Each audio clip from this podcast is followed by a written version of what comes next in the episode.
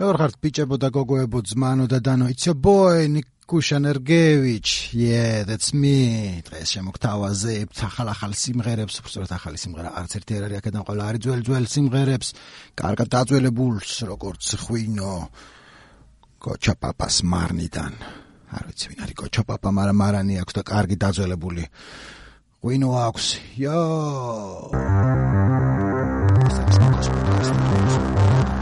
ახლა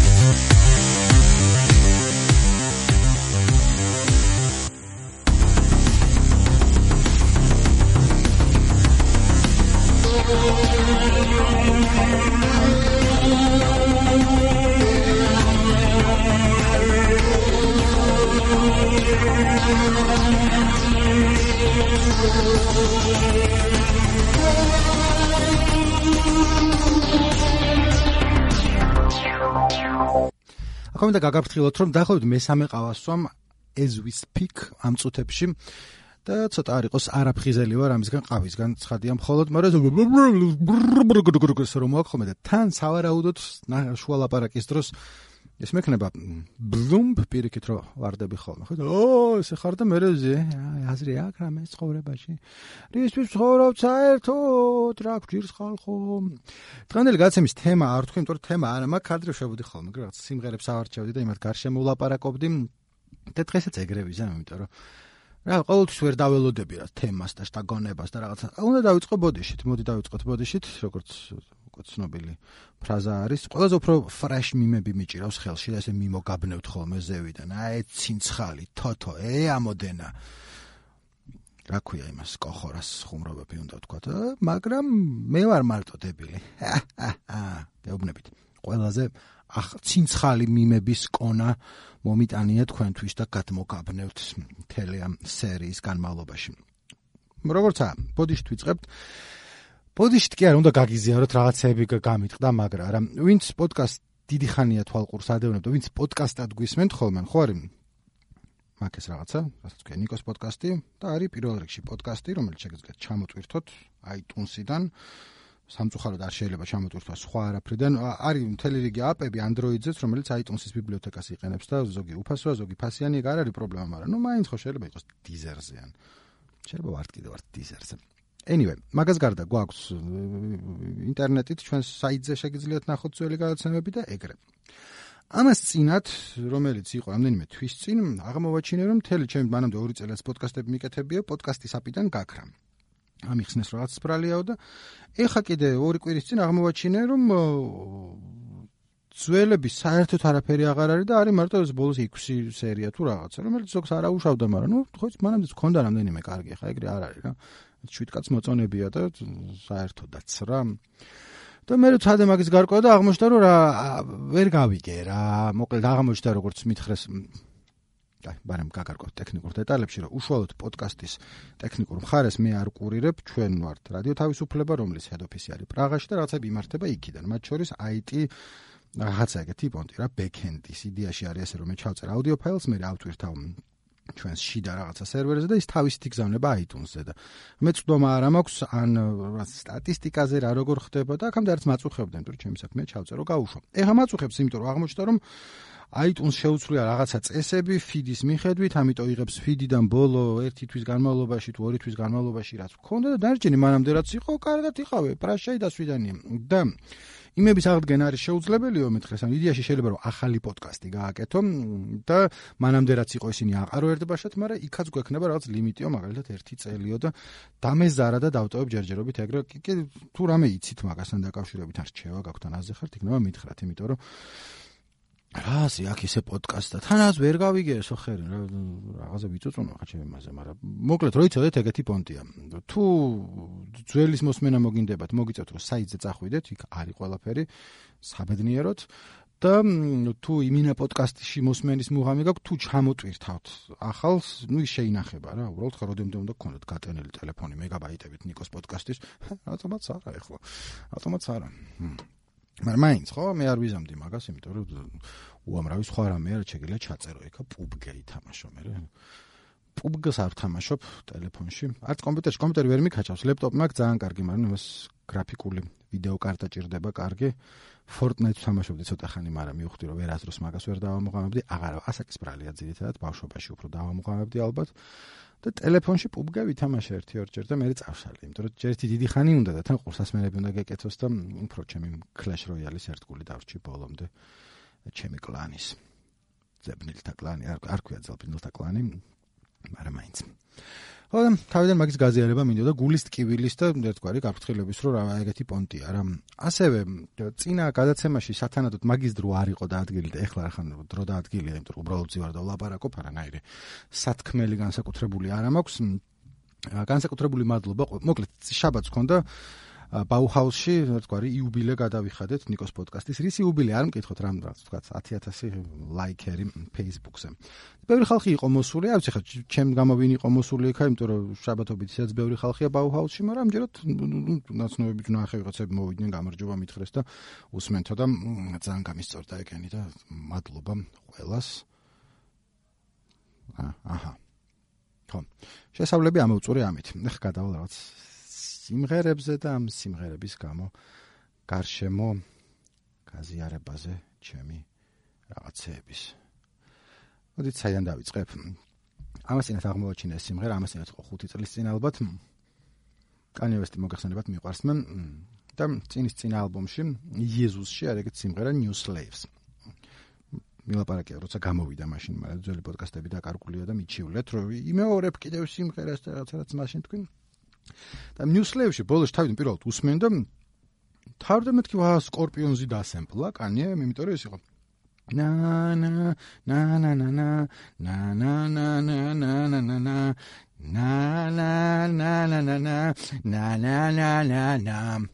ესე მთავრდება ბოლოში და ნუ ბავშვობიდან უცრეს სკორპიონზე სიმღერა ეგა white და ადრე გადიოდა ხოლმე MTV-ზე. და კიდევ ერთხელ წავიმღერებ იმიტომ რომ სინდის და ნამოსიმი არ მაქვს. White down fly with the wind spread your wings across the blink. ტექსტი არ მახსოვს ხო ბოდიში არ მომის მე სიმღერა წლებია 10 წლეულებია when the children cry white down და მეთქი სადიპო ახლა კანიამ სკორპიონზე. მე შევედი ეგეთი საიტია გეცოდინებათ, მაგრამ თუ არ იცით who sampled ქვია, ძალიან სასარგებლო საიტია, სადაც გეუბნება სიმღერაში რა სემპლებია გამოყენებული, სხვაგან გადადიხარ და ის არის რა, სიმღერას რო ჩაწერ გეუბნება იქ რა სემპლებია, მე შეგიძლია იმ სიმღერაზე გადახვიდე, რისი სემპლიც არის ამ სიმღერაში და ნახო ის კიდე სად არის დასემპლელი და უამრავ ეგეთ საინტერესო რაღაცას იპოვე. და აღმოაჩინე ესე who sampled და რომ დასემპლელი არის არა სკორპიონზი, არამედ ომეგა.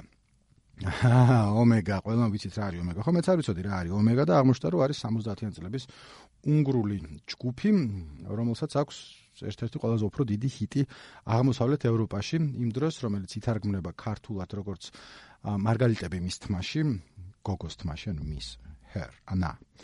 და უნგრულად ჟღერს მეც ახლა ახლოს მივალ კონტენტ და წავიკითხავ გიანგლაი ვერ წავიკითხავ არანაირად, იმიტომ რომ ორი უმლაუტია ერთ სიტყვაში და ხმოვნები არის ერთად და დარწმუნებული ვარ უნგრულის მწოდნეები არ მიწმენთ რომ ვერ ვერ წავიკითხავ მაგას როგორ არის. ვერ წავიკითხავ ხალხო.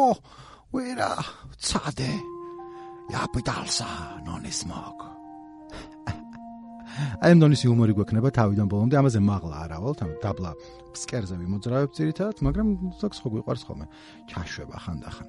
სიმღერას გაუშვებ ხა თან ვიდრე შესავალია ვილაპარაკებ იმიტომ რომ ყავის ისა მაქვს ჯერ კიდევ პრიხოდი და რაკატაკატაკატაკატა ბივის და ბათედის სერიები თუ გინახავ და როგორც ერთი ორჯერ შევხედე სტატისტიკას ვინ გვისმენს და ვია კომენტარებს და არ გინახავთ იმიტომ რომ მას მე ხარ დაბადებულები რა ბივის და ბათედი აღარ გადიოდა და ვიღაცები არა დაბადებული ვარ ძმაო მაგრამ ბივის და ბათედი მაქვს ნანახი 100 წელი და მოგესალმებით ვვარდებით მაგისტვის.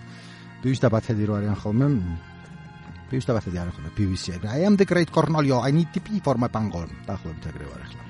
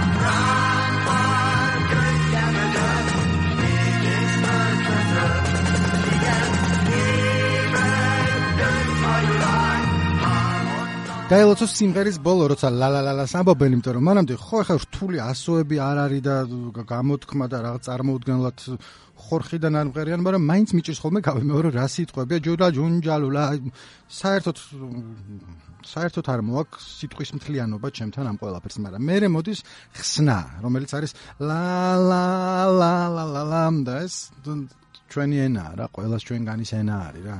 უნგრელებისაც არის და ქართველებისაც არის ძმაო და სომხებისაც და ყოველას.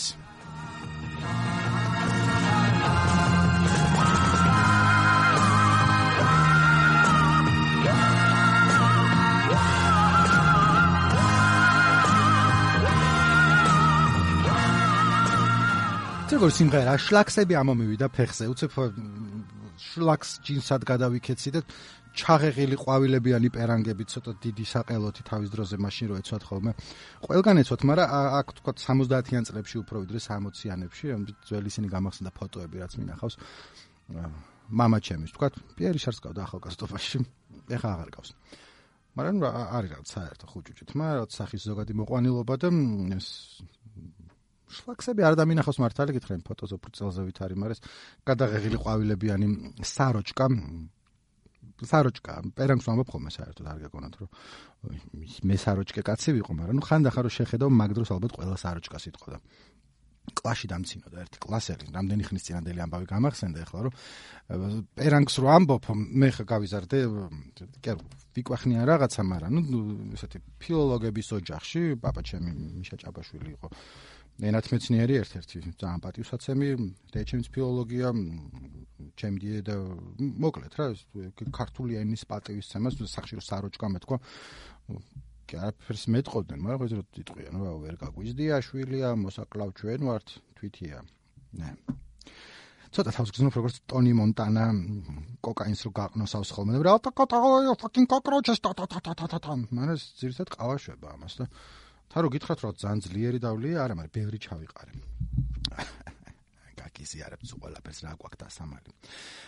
მე გამიჩნდა შეკითხვა ანუ კლაქსებზე კი არა, იმას სიმღერას უბრუნდები ისევ ნა ნა. ისე რამდენი ფული იშოვა ომეგამ ეხლა კანი ვესტმა რომ ეს დასემპლა მანდედან თქო. და პასუხი ვერ გავიგე, მაგრამ როგორც თუდად ექცევიან ხოლმე თურმე ხანდახან მუსიკოსებს. მოკლედ ეს ტიპი ამბობდა, ომეგა ჯგუფს ქვია, მაგრამ კონკრეტულ სახელი და გვარია რაღაცა, რომელიც არ მომიწერია და ამიტომ ზეპირად არ მახსოვს. უჩივლა იმან კანიეს თავისი სემპლის გამოყენებისთვის და რაში ყოფილა საქმე რომ საერთოდ საიდან გაიგო რომ კანიევესტმა ამის სიმღერა დაასემპლო. ერთხელ პოსტა გავხსენიო და კონვერტი არისო, სადაც ჩეკი დევსო 10000 დოლარზეო და ადვოკატის წერი რომ აიღე ეს ფული და მორჩა შენთან ურთიერთობა, აიღე ეს ფული და კონდეს და ამათ გვარ 10000 დოლარი გაიგეთ უკანო. ეგრე არ არისო და მივიდა სასამართლოში. on სასამართლომდე მე საქმე არის რომ პარასკევს იყო პროცესი და ორშაბათს შეთანხმდნენ რომ ეს აღარ უჩივლებდა და რაღაცას მიიღებდა სანაცვლოდ. თქო, რას მიიღებდა? არ არის საჯარო ინფორმაცია და ესე რომ არ ვიცი, რას მიიღებდა. ასე ალბათ გაინტერესებთ საიდან გამახსენდა ეს სიმღერა და უბრალოდ ვინც ინტერნეტში ხარ ჩართულები და რაღაცებს უყურებთ, მიხვდებოდით საიდან გამახსენდა. საქმე იმაშია რომ გამოდის თუ გამოვიდა უკვე სულ ცოტა ხანში გამოდის ფილმი სახელად Mid-90s. Mid-90s ქვია, ხო? ხო. ანუ 90-იანების წლებზეა ლაპარაკი, ამერიკული ფილმია, რომელიც სცენარის ავტორიც და რეჟისორიც გახლავთ ჩემი ძმა ჯონა ჰილი. ჯონა ჰილს არ ვიცნობ ცხადია ისე როგორც თქვენ არ ვიცნობთ მაგრამ ალბათ გექნება თქვენც ეგ მომენტი რომ ბავშვობიდან ჩემ ხელში გაიზარდა ეგ ბიჭი სუპერ ბედიდან მახსოვს მე სხვა იმები. და ყოველთვის იყო საყვარელი მსუქანა ღადო ტიპი რომელიც წესით მაგროლში უნდა დარჩენილიყო. და გამოვიჯე ერთი მაგროლშიც დარჩა თან სასტავი ვინც არიან სულ მგონია რომ მაკაცები არიან ჩემე სეთროგენი და ფრანკოები და რაღაც ერთად გაზრდილები ვართ და თან პერსონა აქვს ისეთი პერსონაჟებიც ეგეთი არიან და მე თოქ-შოუებში უყურებ ხოლმე სტუმრად რომ მიდიან ლაპარაკობენ და ეგეთ როჟებში ვანან რა რაღაცნაირი უბნის ქეშები რომლებიც ძალიან შეიძლება ინტელექტუალიზმით არ გამოირჩეოდნენ მაგრამ ჯიგრები არიან რაღაცებს აკეთებენ და მე რო დაფიქრდები ეს ინტელექტუალიზმით არ გამოირჩეოდნენ ტიპები ბავშვობიდან სცენარებს წერენ ფილმებს იღებენ და აგერ ჯონა ჰილს ორჯერ იყო ხო ოსკარზე ნომინირებული. და მე თავის თავზე გადავს მაგაზეს ფილმი რო არის ნახე გაქვთ თუ არა this is the end. აი მაქსას თავის გაკეთებულია კომედია სამყაროს დასასრულზე და მე თვითონ თავის თავს თამაშობენ ოღონდ ნუ ვითომ თავის თავს რა ძალიან სასაცილოც არ არის მაგრამ მე ვკაიფობ იმიტომ რომ სასტავი მე ვასწავლე და ჯონა ჰილი რაღაცნაირ უსიამოვნო ტიპია რომელიც ვითომ სულ ყოველს უცინის და სინამდვილეში არ არის ეგეთი. კარგი. და ასაკეთებს ასმობდი ხომ? და ძილი ლოცულობს რა და ღმერთო მე ჯონა ჰილი ვარ ორჯერ ოსკარზე ნომინირებული მსახიობი ესე მიმართავს ღმერთს. სასაცილოა ჩემი აზრითა ხო და ჯონა ჰილისკენ ვარ ცხოვრებაში ვადევნებ ხოლმე თვალყურს მის მოღვაწეობას და როცა გავიგო რომ ფილმი გადაიღო თან 90-იან წლებზე მეთქი ტრეილერს ვნახავ და ტრეილერში ბოლოში იდო ეს ნა ნა ნა ნა ნა და მე მეთქი ა ჯონა შე თუქსუსო შე კოტფერანო შეიძლება ითქვას, იმიტომ რომ თუქსუსოს თუქსუსს არ ვიცი რას ნიშნავს. კოტფერანი მე გავიგე რას ნიშნავს და თურმე რაღაცნაირად შავრაწყყოფელი სიტყვა. უმცირესობების მიმართ, მაგრამ მაგ ხრივ არ მიხმარია. კაი, უკან მიმართ კოტფერანო იყოს აი შეშმაკო, სიყვარულით ვამბობდი, ხო? anyway. იმიტომ რომ ჯონა ჰილსაც უყარს კანი ვესტი მაგაში ასაქმე და მაგასაც ნიუსლეივსიდან აქვს მოსმენილი ახლა არ მგონია რომ იჭდეს და 70-იანი წლების უნგრული როკ კომპილაციები კონდეს სახში დაგროვილი ეს ჰიპ-ჰოპის მენელია ყვებოდა ამას წინათ როგორ იყო კანი ვესტის ბოლო ალბომის yes მოსასმენ პარტიზე და სასაცილო ამბავი იყო. თვითონ ფილმს რაც შეეხება, ორ მაგაც საინტერესოა ჩემთვის, იმიტომ რომ ბოლო დროს ძალიან დავამოღამე და თქვენც უნდა დაამოღამოთ სტუდია. ესეთი ფილმების სტუდია, რომელიც ზოგი ფილმს იღებენ, სატელევიზიო რაღაც პროდუქციას და ზოგს ყიდულობენ და ავრცელებენ ამერიკაში, ქვია A24. A24. და მაგათი გავრცელა არ ვიცი ზუსტად რომელი გადაიღეს და რომელი იყიდეს და მე გავრცელეს, მაგრამ ოსკაროსანი სტუდია უკვე Moonlight-მა რო აიღო, Moonlight-ი მაგათი გავრცელებული იყო, მაგათ გარდა აქ რაღაცნაირი შავი კომედიები, ლობსტერი გაგონილი გექნებათ მაგათია, მაგრამ ამავე დროს აქვთ ჰორორები. აი ესეთი კარგი ჰორორები ბოლო დროს რაც გინახავთ, უმეტესობა არის A24-ის გაკეთებული Hereditary. ანუ მემკვიდრეობითი ბოლო არის ეგეთი წარმატებული ფილმი, რომელიც თუ არ გინახავთ, ნახეთ. თუ ჰორორი გიყვართ, თუ არ გიყვართ, არ გაგისწორდება, მაგრამ სხვა კაი გაკეთებული, ანუ ეს არ არის რომ ფუ ბანძი უჟესები, არა, კაი ფილმია, ჩემის და აზრით. და ასევე ფილმი, რომელიც ძალიან ბოლო 2 წლის განმავლობაში თუ 3 წლის განმავლობაში აზრები გაიყო ფილმთან დაკავშირებით, ქვია which VVIT შეიძლება და არის რაღაც ძველი დროის მე-16 საუკუნის თუ რაღაც ეგეთ დროის ატმოსფერული ჰორორია, როც ოჯახი არის ცალკე სოფელში, სადღაცა ცხოვრობს და იქ რაღაცა მაზალ რამეები ხდება და ის არ არის ექშენით დახუნძლული ფილმი არ არის, მაგრამ მე მომეწონა. ამავე დროს ვიფიქრე რომ სხვა პონჩი ხასიათზე ვიყავი მაგის ყურების და იმიტომ თუ უყურეთ და არ გაგისწორდეთ შეიძლება ხასიათის ამბავია რა. მაგრამ ნუ ერთ-ერთი ესეთი იყო შთამბეჭდავი ჰორორი, რაც მინახავს. და კიდე რა ბლომად რაღაცები აქვს. გაკეთებული თავიდან A24-დითაც გაიჩითა იყო. ახალგაზრდებმა იციან ეს ფილმი უფრო და უფროსებმა ნაკლებად Spring Breakers არის ეგეთი ფილმი რომელიც თავიდან რომ გამოვიდა ყველას ეგონა რაც თინეიჯერული კომედია იმიტომ რომ სელენა გომესი თამაშობს არა მთავარ როლში მაგრამ ერთ-ერთ როლში. ჯეიმს ფრანკო და რაღაცა ისე და არის ესეთი ბნელი შავი კომედია დრამა ტრილერი რაღაც ეგეთი პონჩი ეს არის. თანაც სტილით არის გაკეთებული ნეონის განათებით და ეს ფრანკო ჯეიმს ფრანკოა ხო მანდა და არა ხო რამშობა ერთ-ერთი ფრანკო თამაშობს ჯეიმსი ვიცი ვინც თამაშობს ხო? მაგითი გახდნენ ცნობილები და მე სულ რაღაცებს აიგეთებს მაზალო ფილმებს უშვებენ ხოლმე რა და ჩემც ხა 24-ს დაწერია ხოლმე უკვე ერთგვარი ხარისხის ნიშანია. და ამიტომ ველოდები ჯონა ჰილის მიერ აქ გამოსულ ფილმს. ა ბოლოს კიდე რასაც აი ესეთი გამოხმაურება აქ რა ქვია მერვე კლასი თუ რაღაცა ეგეთი არის ბუ ბორნჰემი თუ ბობერნჰემი როგორ გამოითქმის ბევრისთვის საყვარელი სტენდაპ კომიკოსი თუმცა მანამდე YouTube-ზე სიმღერების ჩაწერით დაიწყო სასაცილო სიმღერებს ღერის ხოლმე და თუ ბუსაც არ იცნობთ ჯობია რომ იცნობდეთ იმიტომ რომ რა ვიცი აი ინფორმაციის ზღვა წამოვიდა ჩემგან ინფორმაციის ნაკადი და ხომ კარგია რომ აი დარჩით პოდკასტთან ერთად ჩვენთან ერთად და გვისმენთ და დროდადრო დაგაყვედრით ხოლმე და დაგამადლით და არისო დამადლება უბრალოდ მიხარია ხოლმე. იცი რა დროდადრო მიკვირს ხოლმე რომ აი ლაპარაკობ და ვიღაცებს უსწორდებათ მოსმენა. დროს ვერ მივეჩვიან. ვის კი არა მაგრამ რა რა თუ არ უნდა მოწონთ ხო მე თან მიყვარს ლაპარაკი და როცა სხვებსაც მოწონთ ხოლმე მიხარია და ამავე დროს სულ შიში ვარ რაც მომენტში იქნება რომ ამავიდა ყელში შენი ბაზარი ინტიკეტ ინტიკეტ ინტიკეტ ინტიკეტ იყო რომ ხელებით გავაკეთე ესე ვითომ სასაცილოდ. შემდეგი სიმღერის დრო რომ მოვიდა, ვიდრე თავს მოგაბეზრებდეთ და ეხლა ნახე საით წავედი მფიქრებში. ომეგა ჩამოწერე და მე ვფიქრობ რა არის ესეთი ჯგუფები, რაც ბავშვობაში ვიცოდით, მაგრამ მაინც მოსმენილი არ მქონდა და ნეტა როგორია თქო და გამახსენდა მე ხო მესავარ, ბებერი ვარ. და ამიტომ ჩემი ახალგაზრდობა, მაწულკაცობა ბავშვობა 90-იან წლებში გავატარე. ო რა ინფორმაცია წამოვიდა, anyway. მაშინ უყურებდით ხო მოკლედ ინფორმაციის ჯგუფების შესახებ იღებდი ტელევიზორიდან, იმიტომ ინტერნეტი ჯერ არ არსებობს და ბეჭდური მედიაც ხუთი ჟურნალი მქონდა სახში.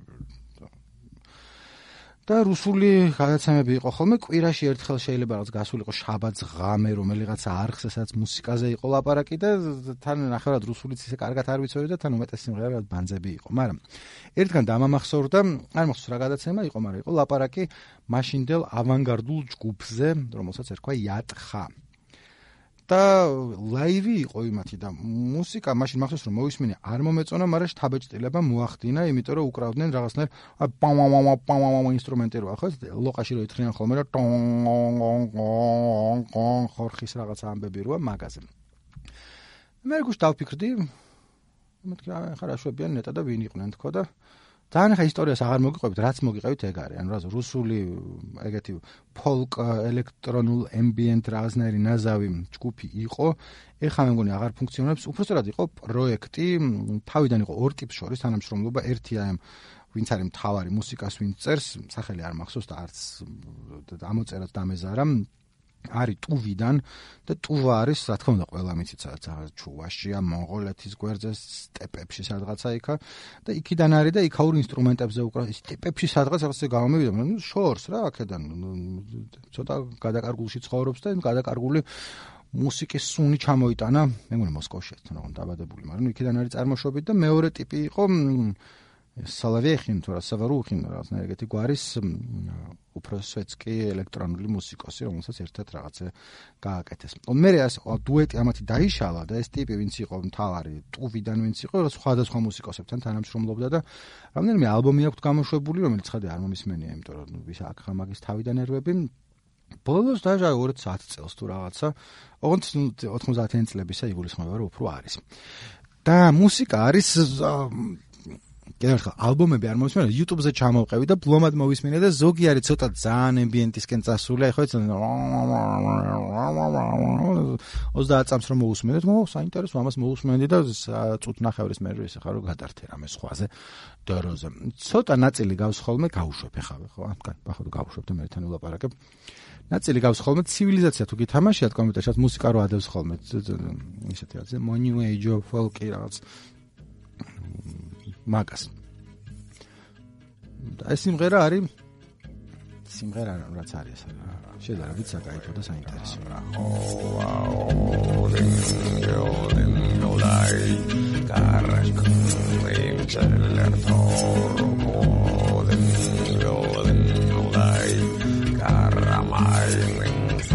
Charging, holding,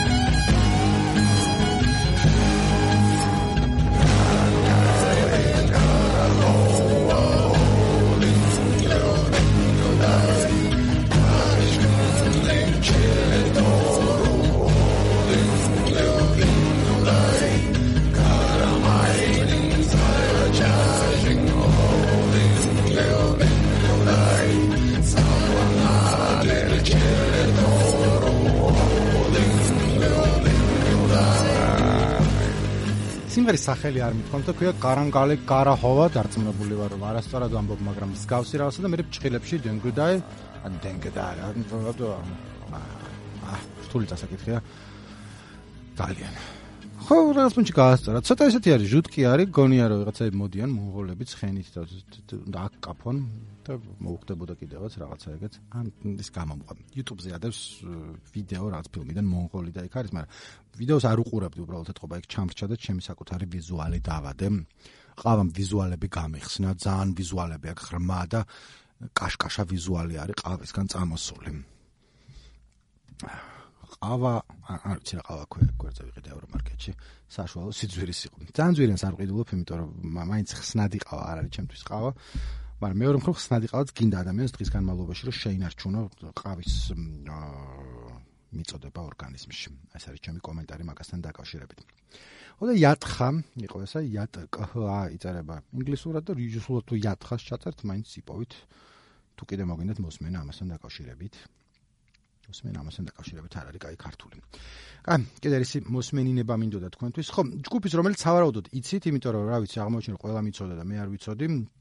იმიტომ არ ვიცოდი რომ თუ თვალს მოკრავდი ჩავთვლა და ჩავთვლიდი რომ არ იქნებოდა საინტერესო ჩემდა გულობიზა, მაგრამ აღმოჩნდა რომ ჩემდა გულობიზა იყო ძალიან მისაღები ჯგუფი მეტალია, შვედური ჯგუფი Ghost, როგორც მოჩვენება პატრიკ სუეიზი რაღაც.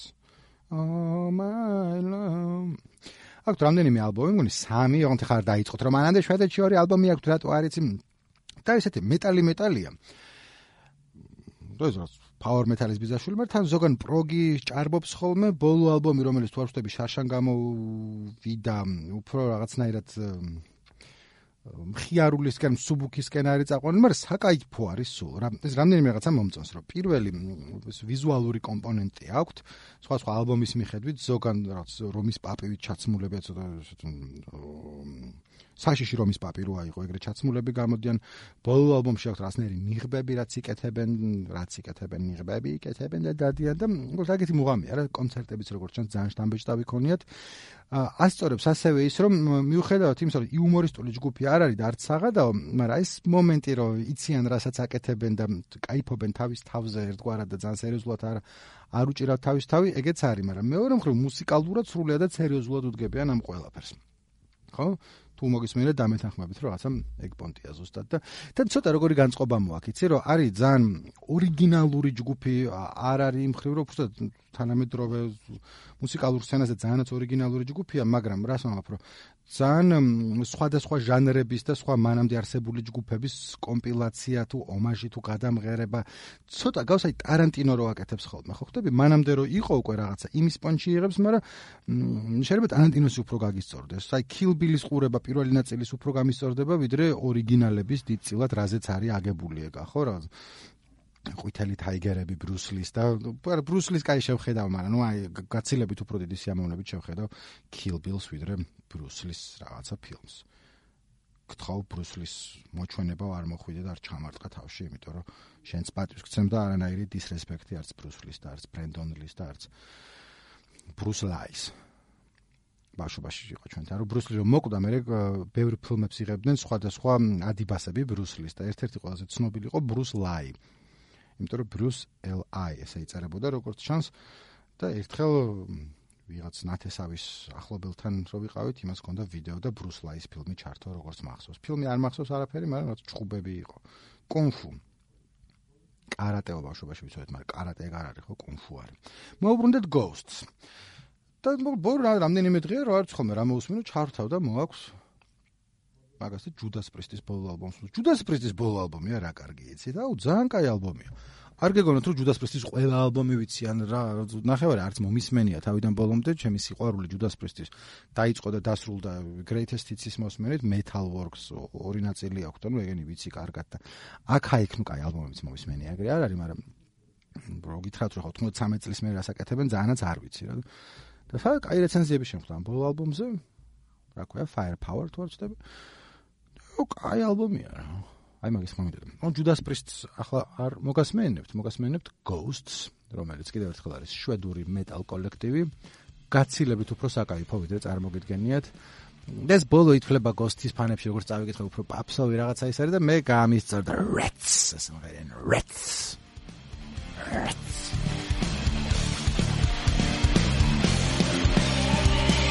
In times of turmoil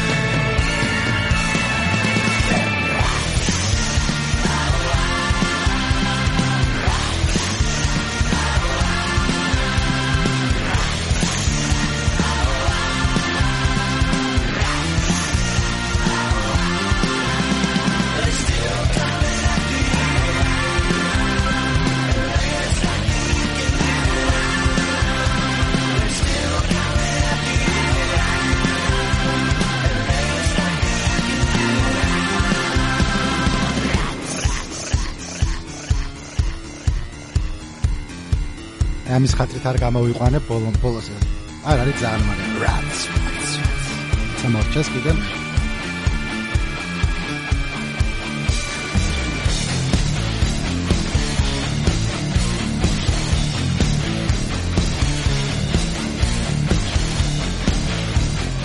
დამთავრდა ეს მთავრდება, მაგრამ ყველაზე უფრო ამას მომხიბლა ამ სიმღერაში და ზოგადად სხვაგანაც. რამდენად კარგად აქვს საქმის წოდნით გაკეთებული სიმღერებია რა 20 წუთს ნახევარია 4 და 20 24 რა მნიშვნელობა აქვს? უბრალოდ რამდენი მაგრამ არ მოგაწყენ სიმღერა სულ რაღაცა ხდება. თან ერთ კალაპოტში მიდის მაგრამ ნუ აი ნახე ხა ბრიჯია ხა მისამღერია მე სოლო არის მე რა დო დო დო დო რაც რაც რაც გასართობი მოსასმენია და თან გავიც მანქანაში ჩართავ თუ კუჩაში თუ რაღაცა ძალიან ძალიან მაყოფილი ვარ ძალიან მაყოფილი ვარ გოსტ ბიჭებო თქვენის ასე გააგრძელეთ მოღვაწეობა და მადლობა რომ არსებობთ. ეხლა ფიქრობდი რომ რამდენი რაღაცა აღარ არსებობს, ვთქვათ მეინსტრიმში აღარ არსებობს გიტარის სოლოების კულტურა არსად. ადრე ხოდი რაღაც სიმღერებში იქნება გიტარის სოლო თუ წახვალ აა Grateful Dead არსებობს კიდე ჯერი გარსია სიკვდილის მერე რაღაც ეგრე ჰიპურ როკ ბენდის კონცერტზე იქ 20 წუთიანი სოლოები დაგვხვდება ან ნებისმიერ hard rock-ის ამბავში, მაგრამ აი ეს რა ჩვეულებრივი სიმღერები რო არის. ადრე იყო 90-იან წლებში ჩვეულებრივი გიტარის სოლო იყო მაგის garaშე წარმოუდგენელი იყო ფილმი. და 80-იან წლების ფილმი კი არა სიმღერა და ფილმზე გამახსენდა 80-იან წლების შუიდან ბოლოსკენ 90-იანების დასაწყისში იყო როგორც სიმღერაში იყო სავალდებულო გიტარის სოლო ექშენ ფილმებში იყო სავალდებულო ერთი სექსის სცენა მაინც. თუმცა ძუძუ ჩანს რა ესეთი სრულიად ვისეთ და და და პირველ ტერმინატორში არ ვიცი გახსოვთ თუ არ მეორეში უკვე აღარ არის იმიტომ რომ მე რეგმოდა გადავიდა და ეს კლასიფიკაცია ფილმების და მოკლედ რა ცოტა შეებრძოლნენ მაკპონს და მაგრამ მანამდე ნებისმიერი ბოევიკი სადაც იყო ტიპი და და და და და და და და და და და ხოცავს და მე რაღაც მომენტში უნდა ყოფილიყო როგორც გიტარის სოლო სიმღერაში ესე სექსი სცენა ექშენ ფილმში ბოევიკში 80-იან წლების ბოლოს ამ ანალოგიით სად მივდიოდი არ ვიცი წესით მე რო ვიყო კულტუროლოგი ან რაღაცა მაგხრივ უფრო მეტი მესწავლა აქედან ძალიან მაგარ დასკვნას გამოვიტანდი მაგრამ დასკვნას თქვენ გიტოვებ ჩემო მსმენელო და ჩემო ძმანო და დანო მოგეცით უკვე ინგრედიენტები აჰა თქვენ ფქვილი აჰა თქვენ წყალი აჰა თქვენ ხუმელი რომელიც გიზგიზებს გამოაცხით გნებავთ ხაჭაპური გნებავთ პური. მეტაფორების კონკურსში პირველ ადგილ დავიკავე შაშან ჩაატარა მეტაფორების კონკურსი ვიღაცებმა ჩაატარეს და მე მარტო მე ვიყავი ნომინირებული. ჩემი კონკურსი იყო, მე თვითონ ჩავატარე, მე თვითონ მივეცი ჩემ თავს და კმაყოფილივე დარჩი მე. ესწრებოდა არავინ, იმიტომ რომ მარტო მე ვიყავი. კიდე იცი რა, აი ხო ეს საქმის მოკლედ, კარგია, როცა თავიდან დავიწყებ. არის ხელოვნების რაღაცა ნაწარმოებები, სიმღერა იქნება თუ ციგნი იქნება, სადაც ემთხვევა, რომ ერთი მხრივ არის დაწერილი იმ ადამიანის მიმართ, ვინც იცის წესები და აი რაღაცის მიხედვით წერს, მაგრამ თან შიგნით ძარღვიც ფეთქავს, სიყვარულიც არის ხოლმე. მე გოსტზე გამახსენდა, არ ვიცი რამდენად კითხულობთან მოგწონთ, მე ძალიან მომწონდა ადრე აკუნინის ნაწარმოებები. სიტყვას თუ არ ვიცოდი რა წამეკითხა, რა გადმოვიღებდი ერასტ ფანდორინის სერია განსაკუთრებით. აკუნის აქ ბლომად სხვადასხვა რაღაცეები დაწერილი. ჩემი საყვარელი იყო ერასტ ფანდორინის რატო ამ ფარი კიდე ნიკოლაი ფანდორინი თუ რა ქვია, ეხლანდელ დროში ხდება მოქმედება და პირველი წიგნი კარგი იყო და მე ვეღარ ავიტანე. და გეტყვით ახლა რატო. და ასევე აქ თქვა სერია ჟანრები ქვია. ჯეტს გერმანში, პიონს გერმან დროს, რუსულად ეცე რა კითხვა რა ძმაო რა. ხო და აკუნინის სპეციალობა გარდა იმისა რომ წერალია პირველ რიგში იყო ლიტერატურად ლიტერატურის მწოდნე იაპონური ლიტერატურის და დეტექტივების ბლომათა აქვს აკითხული და მოკლედ გოსთვის არ იყოს საქმის მწოდნე და აქვს აწყობილი ყველაფერი იცის როგორ უნდა დაიწყოს როგორ გაგრძელდეს რომელ გვერდზე რა უნდა მოხდეს. და დრო და დრო ეს მწოდნე არის ხოლმე ცუდი იმიტომ რომ აი მაგალითად განსაკუთრებით როცა ვკითხულობდი ჟანრული რომანები აქვს და ერთ-ერთი ქვია ფანტასტიკა. ფანტასტიკა ნუ მიყვარს ბავშვობიდან ძალიან ბევრი მაგ წაკითხული და ეხლა შეიძლება აღარ მახსოვდეს ის არ ვიწონებ თავს თქვენთან, მაგრამ ნუ რაღაც ხნის განმავლობაში ერთი 10 წელი ყოველდღე ვკითხულობდი სხვადასხვა ფანტასტიკას. ფენტეზის არა, sci-fi. იქიდან რა ოქროს პერიოდიდან მოაქამომდე. ფენტეზიც მიყვარს ახლა, მაგრამ ნუ უფრო ისინი მქონდა წაკითხული. Anyway, მოკლედ ეს ფანტასტიკა რო წავიკითხე, აი მივხვდი რომ უწერია ცოდნით ძალიან კარგად იწება, ძალიან კარგად გრძელდება, აი კაპს კაპს კაპ მოაქვს და მე ასნაირ თავდება უაზრო და ბოლოს ხვდები რომ უნდა გამარიაჟება უფრო უნდა და აკუნეს რომ აი როგორ შემილია ნახე ესეც შემიძლია წკაპანესე გავაკეთე და შეუულია მაგრამ უკან გულე აღარ ფეთქავს ხვდებით რა შეასაკმე ეგ ჭირს ხოლმე თქვათ ნიკოლაი ფანდორინის ციგნებს რომ ჩახლართულია რაც შეკრულია სიუჟეტი მაგრამ არის გაკეთებული აი აი ესე რა თვითონაც ხონდა გევასებოდეს რაც წაკეთებ და არის გრძნობა იქ რომ ყოველთვის ევასება ხოლმე რასაც აკეთებს. ასე რომ ჩემო ძმაო ჩემო ბორის თუ როგორ დაგიძახო ჩხარტო. ჩხარტო! რატო ელაპარაკებს აგდებით? ჩემ ერთ-ერთ საყვარელ მწერალს მაგრამ იცი რა არის? საყვარელ მწერალს თუ არ დაელაპარაკე აგდებით. აბა ვინც არ გიყვარს იმას უნდა დაელაპარაკო აგდებით. ჰა დაფიქრდით მაგაზე. ალბათ არა ვინც არ მიყვარს და გამახსენდა ამას თემს ფიქრობდი ვინ არის ყველაზე უფრო დეგენერატი ჰიპ-ჰოპში საერთოდ ვიზეთ გული მეერევა და გეტყვით ახლა ვინ არის და არ გეცოდინებათ ვინ არის და მეც AMG არ ეგეთი ტიპი რეპერი ოჰაიოდან ცინცინატიდან ერთი სიმღერა მაქვს მაგისი მოსმენელი რომელსაც ახლა გავუშვებ და მაგ სიმღერის გამო არის ყველაზე დებილი საერთოდ. მაგრამ აი ვიკიპედიაზე შეხო ვიკიპედიის გვერდი აქ თავისი და ძირითადი მაგისი თავმოსაწონი ამბები არის რომ ის ქონდა ლუდაკრისმა აიღო მაგისი სემპლი საიდანაც და კიდე ვიღაცამ და სხვაზე არ ვიტყოდი ეს მაგრამ კაც რო აქ დაწერილი სიმღერა go hard like vladimir putin აი ამ კაც რა უთხარი მე? იმიტომ რომ ხა რეპერებს კი აქვთ ხოლმე ეს რომ აი ბომბა რაღაცას თითქოს ვიეტნამი იყოს ან რაღაც ეგეთი ანალოგიები და სიმილეები და მეტაფორები მაგრამ ამას მთელი სიმღერა აქვს ამის გარშემო აწყობილი და ცოტა Go hard like Vladimir Putin. I go hard like Vladimir Putin. Go hard like Vladimir Putin. I go hard like Vladimir Putin. Go hard like Vladimir Putin. Vladimir Putin. Vladimir. Putin. Putin. Vladimir Putin. Vladimir. Putin. Putin. Niggas don't know what I put in. Instead, they be out there hating that them boy, them now, them a ranting. Cause I go hard like Vladimir Putin. Talking that talk and I'm walking that walk. Nigga got green like Incredible Hulk. You're talking that talk but not walking that walk. Like a Muslim, aren't you eating that pork? Looking at my other mirror. Now it's time to turn up here put in work like Vladimir. Yeah, I'm the hottest. Yeah. I go hard like Vladimir Putin. Go hard like Vladimir Putin. I go hard like Vladimir Putin. Go hard like Vladimir Putin. I go hard like Vladimir Putin. Go hard like Vladimir Putin. I go hard like Vladimir Putin. მიხვდით ახლა რა უნდა MG ყველაზე უფრო წინკლი რეპერი გაკეთე ყოჩაღმე და უამრავი ვიდეოა YouTube-ზე რომელიც სხვადასხვა ის კლიპებია გაკეთებული ზოგი მადლიერი რუსიერის მიერ, ზოგი FSB-ს მიერ, როგორი ძლიერი პუტინი დათვები და ზევით შიშველი და COVID კომენტარები, რომ спасибо всем путям. Thank you Putin for saving my country.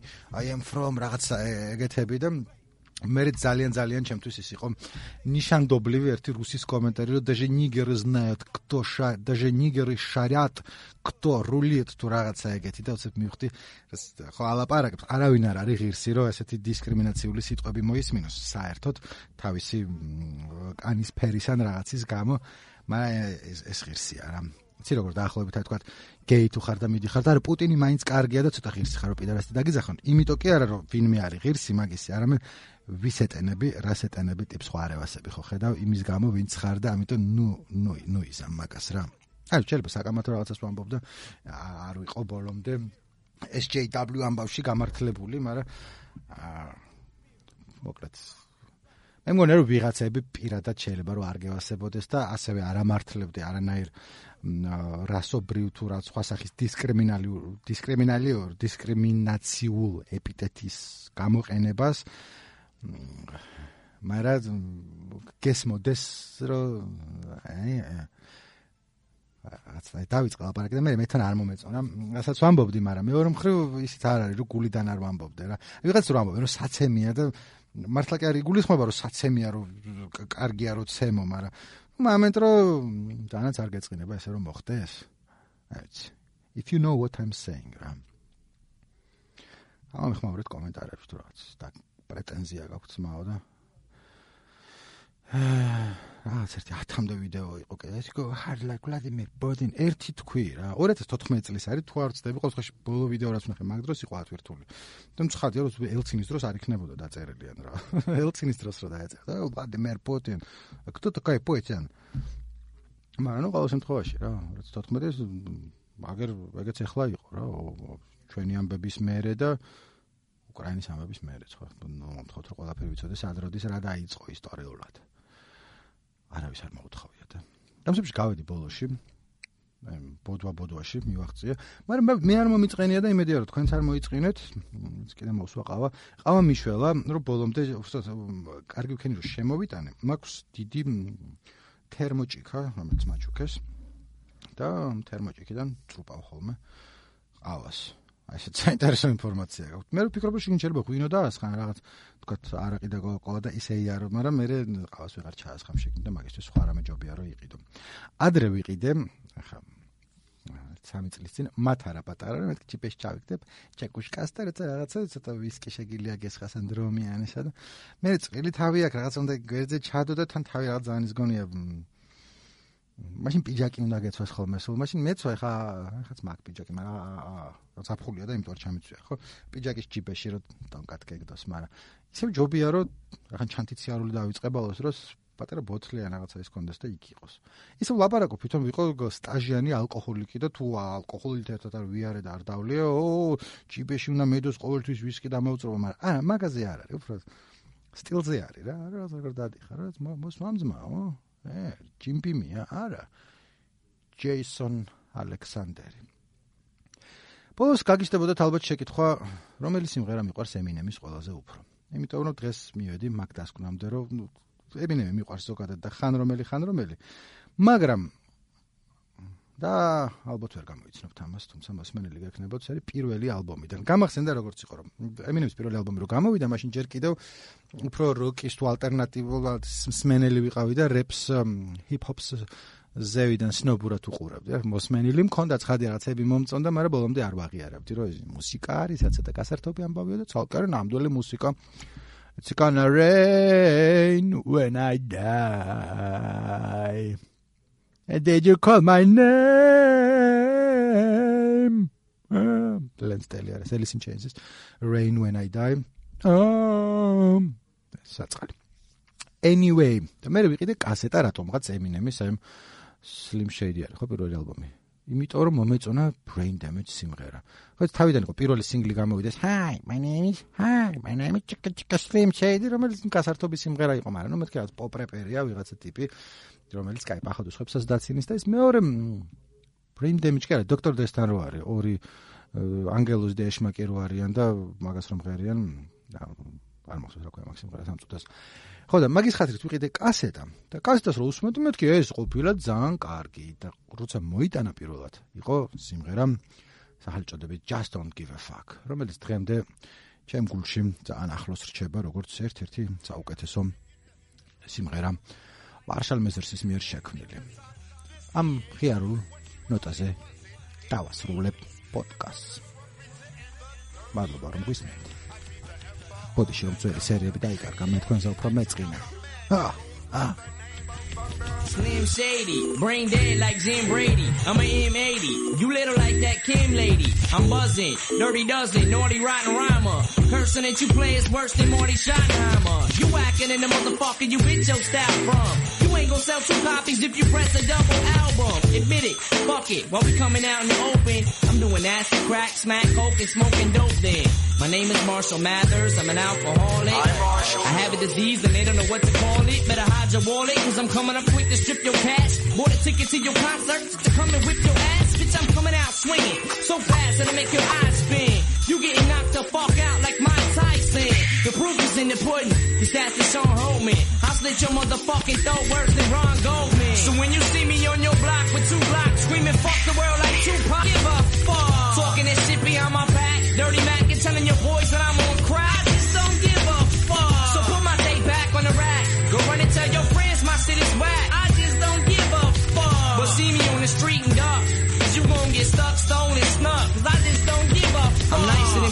but I'm on a search to crush a milk bone. I'm everlasting. I melt vanilla ice like silicone. I'm ill enough to just straight up dish you for no reason. I'm cold and it's no season when it's 20 below freezing. Flavor with no seasoning. This is a sneak preview. I dish your magazine and still won't get a week review. I make your freak leave you. Smell the Folgers crystals. This is lyrical combat. Gentlemen, hold your pistols. But I form like Voltron and blast you with my soda missiles. Slim Shady. Eminem was the old initial. Extortion, snorting, supporting abortion. Pathological liar, blowing shit out of proportion. Illumious, zanious, spontaneous, sporadic. Impulsive thinker, compulsive drinker, addict. Half animal, half man. Dumping your dead body inside of a fucking trash can with more holes than an Afghan. So when you see me on your block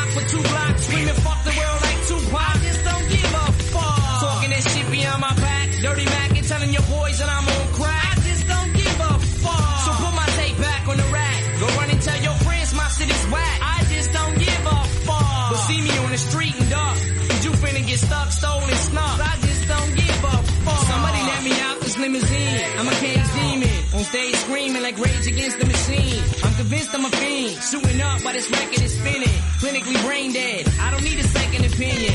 Fuck dropping the jewel. I'm flipping the sacred treasure. I bite your motherfucking style just to make it fresher.